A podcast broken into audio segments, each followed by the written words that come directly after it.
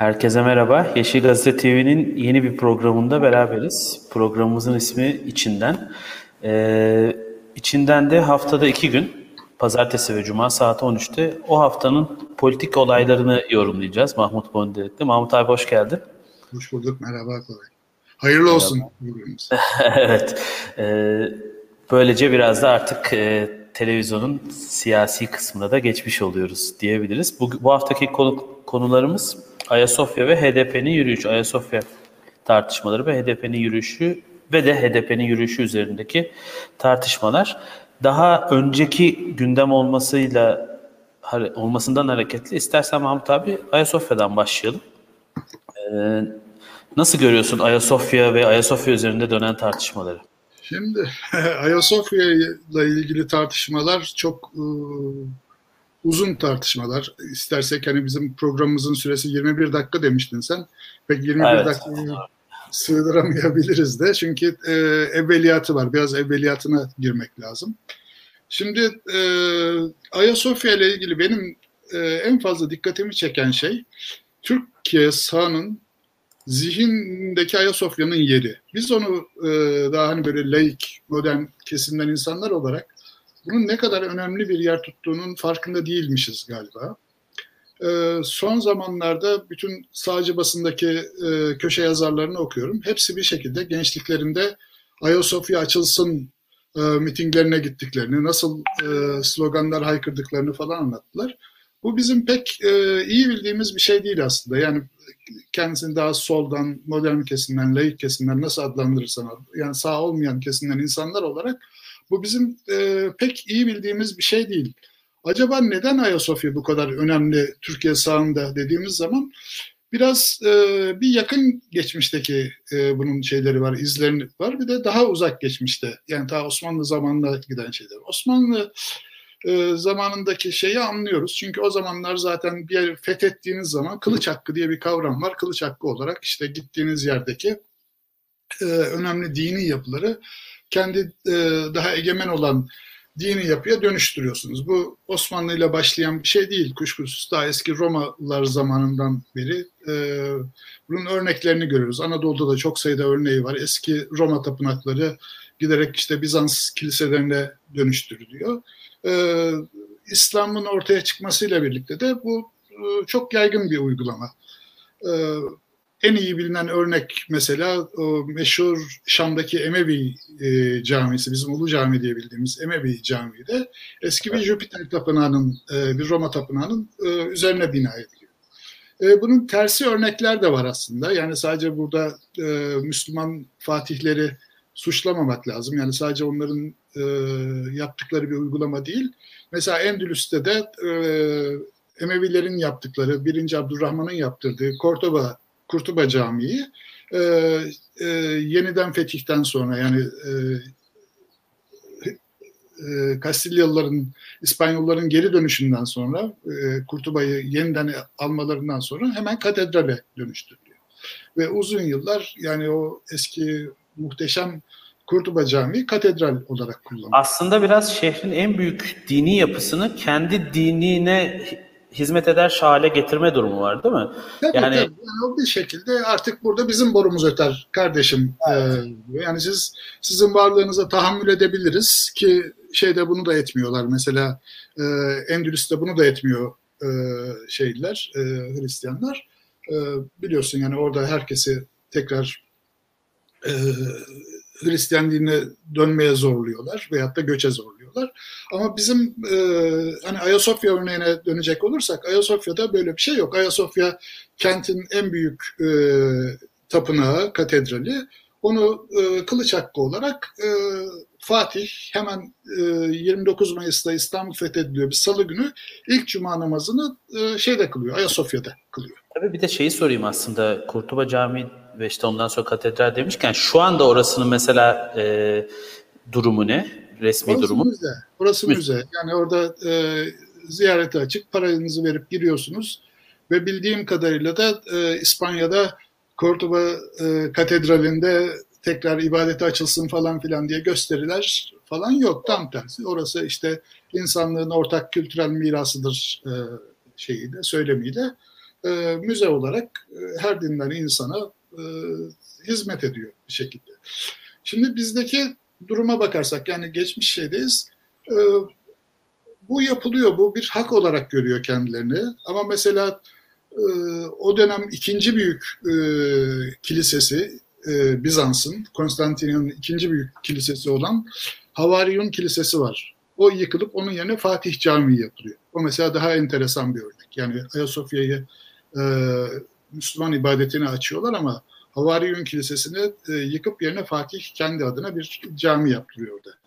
Yine enteresan olan bir şey Ayasofya açıldıktan 100 sene boyunca e, cami olarak hizmet etmesine rağmen oradaki e, şeyler, mozaikler ve freskolar ki onlar da çok değerli örnekler tabii türünün en önemli örneklerinden 100 yıl falan açıkta kalıyor. Bildiğim kadarıyla Kanuni döneminde kapatılıyor. Şimdi bu Ayasofya ismi e, Ayasofya çok önemli bir yapı. Bir defa yani bunu e, inkar etmenin ya da göz ardı etmenin imkanı yok.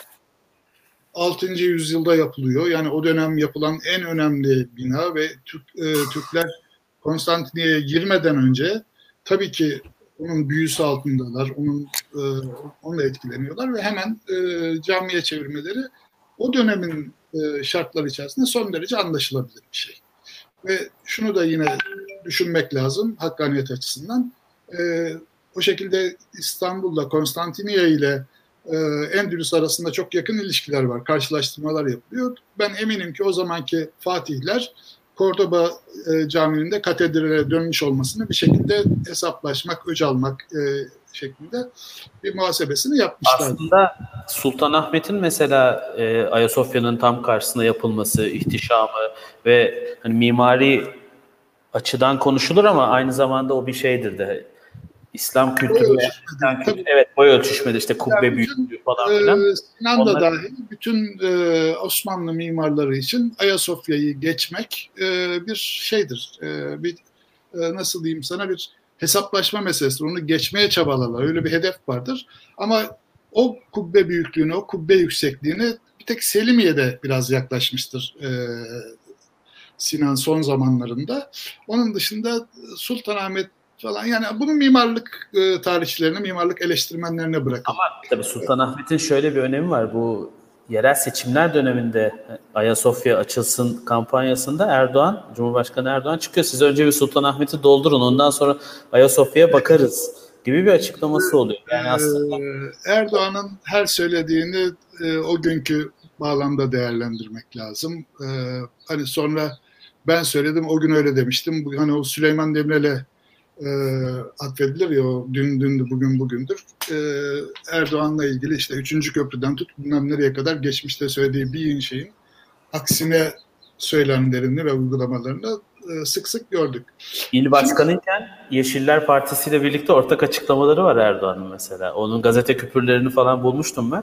E, ama şey 88-94 arasındaki tabii onun il başkanlığı dönemine gelen zamanda Yeşiller Partisi muhalefet il başkanları olarak iktidara karşı açıklamalarda bulunmuş kendisi. Hani Erdoğan meselesine eleştirisine girersek zaten e, yüzlerce örnek bulabiliriz. Yani LGBT'lerden tutmam şeylere kadar, e, ekonomik politikalara kadar falan. E, şimdi e, dağıtmayalım istiyorsan konuyu. Ayasofya evet e, aşağı yukarı bir 500 yıl falan e, Müslümanlara hizmet ediyor. Sonra 1934'te bildiğimiz gibi e, Mustafa Atatürk zamanında müze olarak şey yapıyor. Şimdi müze olarak e, yapılması doğru bir karar mıydı, değil miydi? Veyahut da orada gerçekten Mustafa Kemal'in imzası var mıydı, yok muydu?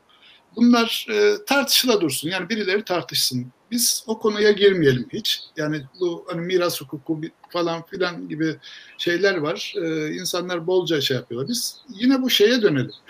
Yani nasıl oldu da e, sağ cenahta Ayasofya bu kadar önemli bir sembol olarak e, ortaya çıktı. Nasıl? Bence bunun e, iki nedeni var. E, Türkiye sağı Kemalizmle hesaplaşırken iki konuyu affetmediler. Bir tanesi hilafetin ilgası. Yani nasıl olur da biz hilafeti kendi rızamızla ortadan kaldırdık. İkincisi de Ayasofya'yı nasıl oldu da e, ibadette, ibadete kapattık. Şimdi bunun e, sebeplerini düşünürken herhalde Batı ile uzlaşmak zorunluluğu olarak değerlendirdiler. Yani Batı'ya verilen bir taviz olarak gördüler şeyi. Veyahut da böyle bir e, hikayeye sarıldılar.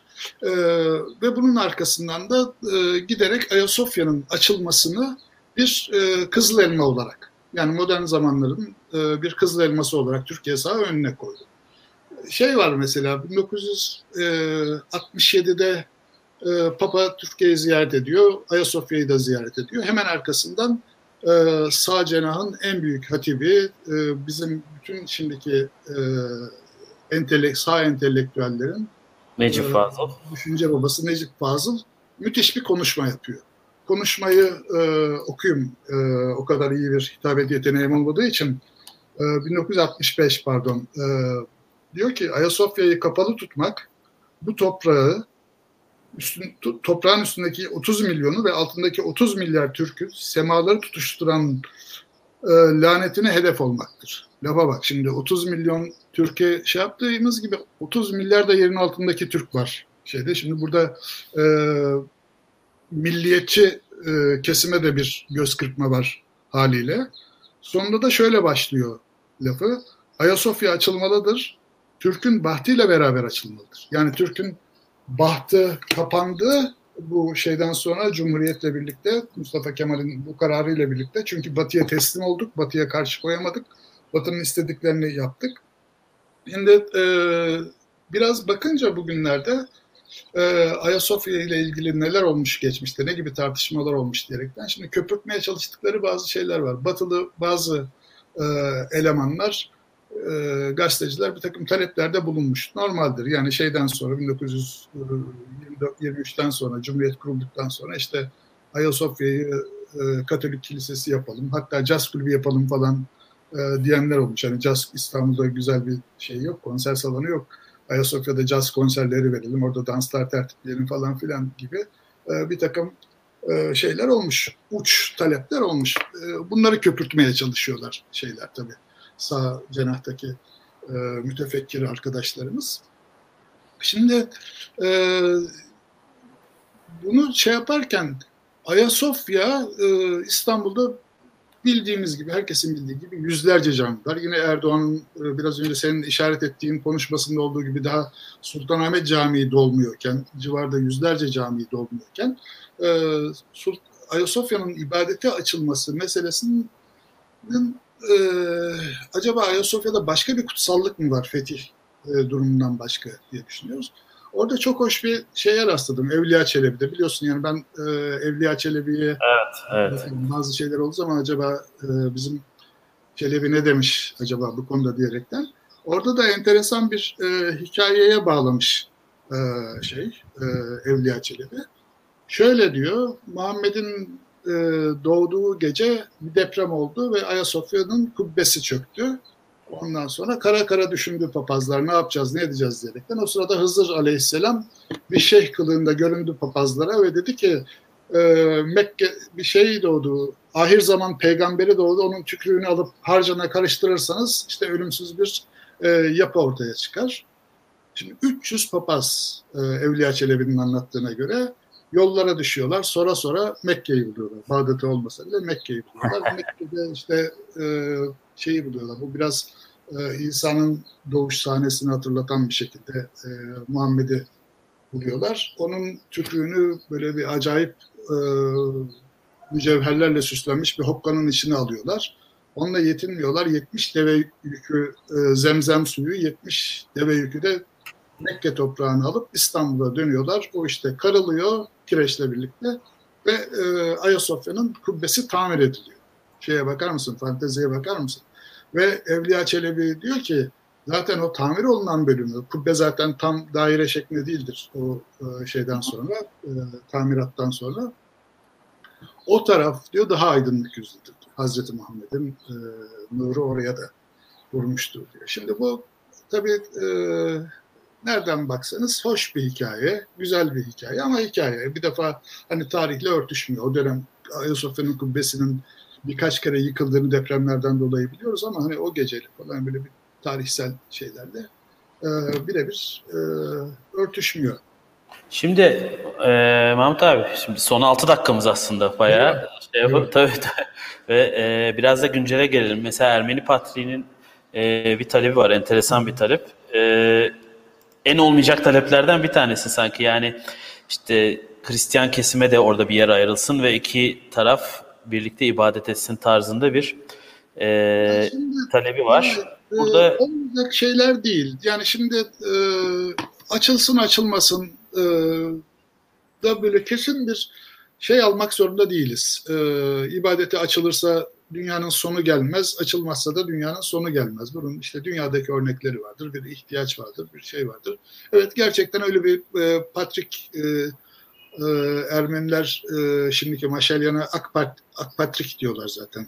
Evet yani açıkla, açıklama biraz onu gösteriyor aslında. Çünkü müze şeyinden çıktıktan sonra orayı e, korumanın da bir imkanı yok. İşte Evet, oradan da destek de, almış oluyorlar. Yani bir tabii, tabii. şey olduğu zaman işte belki bir ufak yerde e, Hristiyanları açarlar ama şimdi o zaman tabii Ortodokslar ne diyecekler? Koray bunlar kolay meseleler değil. Ayasofya e, bildiğin gibi en büyük zararı e, 4. Haçlı Seferleri sırasında Katolikler verdiler. Yani 1204 yılında Konstantiniye'yi yağmaya geldikleri zaman Ayasofya'ya verdikleri zarar ve İstanbul'un bütün dini yapılarına verdikleri zarar az buz değildi. Yani uzun yıllarda telafi edilemedi ve bence Bizans'ın çöküşünü o hızlandırdı. E şimdi oraya e, Ermeni Patriği sağ olsun öyle bir şey istemiş. Bir defa e, gerçekten gerçekleri çok fazla bilmediğini e, gösteriyor Patrik Hazretleri. Ama bence biraz önce konuşuyorduk ya açılsın mı açılmasın mı ibadete mi açılsın müze olarak devam etmesin et, etsin mi tartışmalarından önce bence iki e, önemli noktaya işaret eden değerli bilim insanı var. Bence onlara kulak vermeleri lazım herkesin. Birincisi daha güncel bir şey. E, Naci Görür biliyorsun e, şey konusunda deprem konusunda e, görüşlerini önemsediğimiz bir bilim insanı. E, diyor ki ibadete açılıp açılmamasını tartışmaktansa önce Ayasofya'yı olası bir İstanbul depremi karşısında nasıl koruruz? Onu bir onun bir hesabını yapalım, onun bir politikasını oluşturalım diyor. Bir başka e, değerli bilim insanı Profesör Uğur Tanyeli, mimarlık tarihçisi. O da e, çok e, önemli bir noktaya e, parmak basıyor. Uğur Tanyeli de demişti ki bir konuşmasında e, bundan seneler önce bir oturumda Ayasofya'yı müze olarak kullanmak bile tartışılması gereken bir şeydir. Çünkü Ayasofya 1500 yıllık bir yapı ve onun statiği falan artık bugün içinde günlerce binlerce insanın dolup 2019'da 3 milyon 800 bin ziyaretçisi var Ayasofya. Yani bu günde ne kadar yapıyor? Günde 100 bin kişi falan mı yapar? Ne yapar? 10 bin kişi Yok, yapar? 10 bin kişi yapar. Günde 10 bin kişi. 15 bin kişi oradan girsin, e, sağa sola koşuştursun, e, fotoğraflar çeksin, orasını burasını kurcalasın diye yapılmış bir yapı değil Ayasofya. Onun belli bir şeyi var ve biz gözümüz gibi korumamız lazım. Çünkü bu e, ben İstanbulluyum biliyorsun. İstanbul'da olmamı kendimi en mutlu hissettiğim şeylerden bir tanesi Ayasofya'yı görmek oluyor. Yani her sabah kalktığımda bir Ayasofya'ya baktığım zaman ya ben 1500 yıllık e, bir yapıyla aynı şehirdeyim diyorum. Orada o, o yapının bir dönem Hristiyanlara, bir dönem e, Müslümanlara hizmet etmiş olması tabii ki ayrıca olumlu bir puan ama öyle bir yani bizi Roma'ya bağlayan bir şey. Bir mimarlık şaheseri. Yani 537'de 5 sene içinde falan böyle bir şaheser yapmışlar. Biz buna gözümüzün nuru gibi, göz bebeğimiz gibi bakmamız lazım. Uğur Tanyeli'nin, e, Uğur Hoca'nın söylediği o bakımdan çok önemli. Yani gerçekten bunun e, nasıl Covid e, sürecinde bir bilim kurulu oluştu ve bilim kurulu en azından bir akıl veriyor, görüşleri şey yapıyor. Ayasofya ile ilgili ben böyle bir şey var mı, bir bilim kurulu raporu var mı, uzmanlar ne diyorlar, sağlamlaştırılması için bir şeyler mi yapmak gerekir? Cami olursa e, ilk gün Cumhurbaşkanı geldiği zaman mesela peşinde 10 bin, 15 bin müminle birlikte orası nasıl bir e, etki altında kalacak? Bunun hesabının e, lütfen iyi yapılsın. Bu şeyden çok daha önemli bir mesele. Cami olsun mu olmasın mı tartışması. O zaman O zaman evet. istersen biz bu konuyu 2 Temmuz'daki Danıştay kararına bırakalım. Çünkü AKP orayı şey yapıyor. Şu an 20 dakika oldu. Biz de Habertürk'ün durumuna düşmeyelim. Ee, ilk günün acemiliği biraz belki 21 dakikayı aşabiliriz ama biraz HDP yürüyüşünü konuşalım. HDP yürüyüşü de aslında yarın sonlanacak bir yürüyüş ve e, etkilerini biz pazartesi de yine saat 13'te yaptığımız programda konuşabiliriz. E, ama yine bir girelim çünkü şey ol, e, yürüyüşten ziyade şu anda biliyorsun medya ambargosu daha çok konuşuluyor. Medya ambargosunun konuşulduğu şeyde de bizim afişe yazıp ondan sonra görsele yazıp ondan sonra konuşmamamız olmaz diye düşünüyorum. Burada e, bir kere şu ilginç, o pek konuşulmuyor HDP konusunda bana kalırsa. Mesela HDP'nin yaptığı yürüyüşü, darbelere karşı demokrasi yürüyüşünü herkes 4 Haziran'da açıklanan karara yönelik olduğunu söylüyor. Yani 4 Haziran'da iki HDP, bir CHP milletvekili, milletvekili düşürülmesi ve daha sonra hapse atılmasıyla alakalı. Fakat e, Meral Bektaş'ın e, bir konuşmasında bunun aslında 1 Haziran'da açıklanan bir e, tutum belgesi sonucu zaten yapılacağı yapılacak olan bir yürüyüş olduğu gibi bir fikir ortaya attı HDP'ler ki doğrudur yani HDP bunu söylüyorsa bu enteresan. Ee, yürüyüşün adalet yürüyüşüyle aynı anda başlaması işte onun sene devriyesine denk gelmesi enteresan. Ee, o dönemde bir işte CHP'nin yine bir milletvekili kaybeden bir yapının işte bizi sokağa çekmeye çalışıyorlar biz bu oyuna gelmeyeceğiz demesi ne karşı HDP'nin aldığı bu tavır ve bir taraftan da aslında demokrasinin bir e, sergilendiği, demokrasinin hayatta tutulduğu yer olan sokağın aslında muhalef, ana muhalefet tarafından bu kadar kötü gösterilme durumu var. Bir de tabii şu var, yani aslında bu yürüyüş gerçekten benim kafamda şeye oturuyor yani 4 Haziran'dan sonra alınmış değil 1 Haziran'da alınmış bir karar gibi. Çünkü yani Selahattin Demirtaş ve Figen Yüksekdağ tutuklandığında mesela hapse atıldığında böyle bir yürüyüş yapmadı HDP. Ee, o zaman demek ki başka bir durum var. Yani başka bir e, başlangıç istekleri var kendilerinin. Çünkü yani eş genel başkanlar tutuklandığında işte Hakkari ve Edirne'den Ankara'ya yürümemiş bir yapıdan bahsediyoruz. Biraz işte 5 yıldır üzerlerindeki medya ambargosu durumu var. E, medya ambargosuna ve bu yürüyüşe karşı muhalefetin bir aslında bence yanlış bir tutumu var. Yani şimdi CHP'liler o fotoğrafları karşılarında buluyorlar genelde AKP medyası da medyasında bir programa katıldıklarında işte Kılıçdaroğlu yürüyor yanında Ahmet Türk falan var adalet yürüyüşünde ama bir destek vardı ki tabanda zaten böyle bir ayrışma olduğuna ben çok inanmıyorum artık yani bir AKP karşılığı üzerinden işte İstanbul Belediye seçimlerinde Ankara Belediye seçimlerinde çok ortaklaşmış bir taban var. Yarın da son bulacak. İstersen sen de biraz e, HDP yürüyüşü hakkında Evet yani bu HDP pazartesiye e, atarak bırakalım. HDP e, işini daha uzun zamanlar konuşacağız bu program devam ettiği sürece öyle görünüyor. Etmemiz de lazım. HDP çünkü Türkiye siyasetinde çok önemli bir e, aktör. E, her şeyden önce HDP'lileri bu yürüyüşü yapmış olmaları dolayısıyla bir kutlamak lazım. Yani e, kazasız belasız eğer yarın bitiyor ise çünkü evet. çok engellendiler. En temel demokratik haklarını, anayasal haklarını kullanırken bu kadar zorlanmaları aslında yani akıl, akıl alacak bir şey değil. E, bu bakımdan e, HDP'lilere e, destek iletmekten başka bir şey şu anda elimizden gelmiyor. Ben e, bu yürüyüşü değerlendirmek için HDP'li arkadaşlarımızın e, bu yürüyüşü nasıl değerlendirdiklerini dinlemek istiyorum. E, onu dinle, dinledikten sonra amacına ulaşıp ulaşmadığını, gerçekten e, sonucu ulaşılan sonuç onları tatmin edip etmediğini belki pazartesi günü daha net konuşabiliriz. Evet, Şimdi doğru. E, bitirelim. HDP ile ilgili tabii ki e, mevzu açıldığı zaman 20 dakikalar falan yetmez. Başka programları yapacağız nasıl? Evet, yani yürüyüşten gelen fotoğraflar da aslında milletin vekiliyle milleti çok böyle e, bir araya getirmemeye çalışan bir güvenlik duvarı olduğu gösteriyor. Bir de barolar e, bugün yürüyüşe başladı. Onu da söyleyelim ve e, söz verdiğimiz vakitten bir üç buçuk dakika fazla konuşmuş bir şekilde bitirelim. Biz pazartesi de saat 13'te burada olacağız. E, daha üzerimizden acemiliğimizi atmış süreye uyan bir şekilde e, sizi pazartesi bekleriz.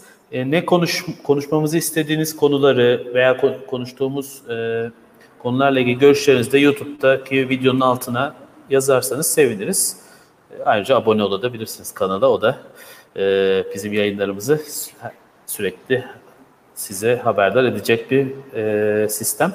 Teşekkürler Mahmut abi ilk programdan. Teşekkürler Koraycığım. Hadi görüşürüz. Görüşürüz. Hoşça, hoşça kalın.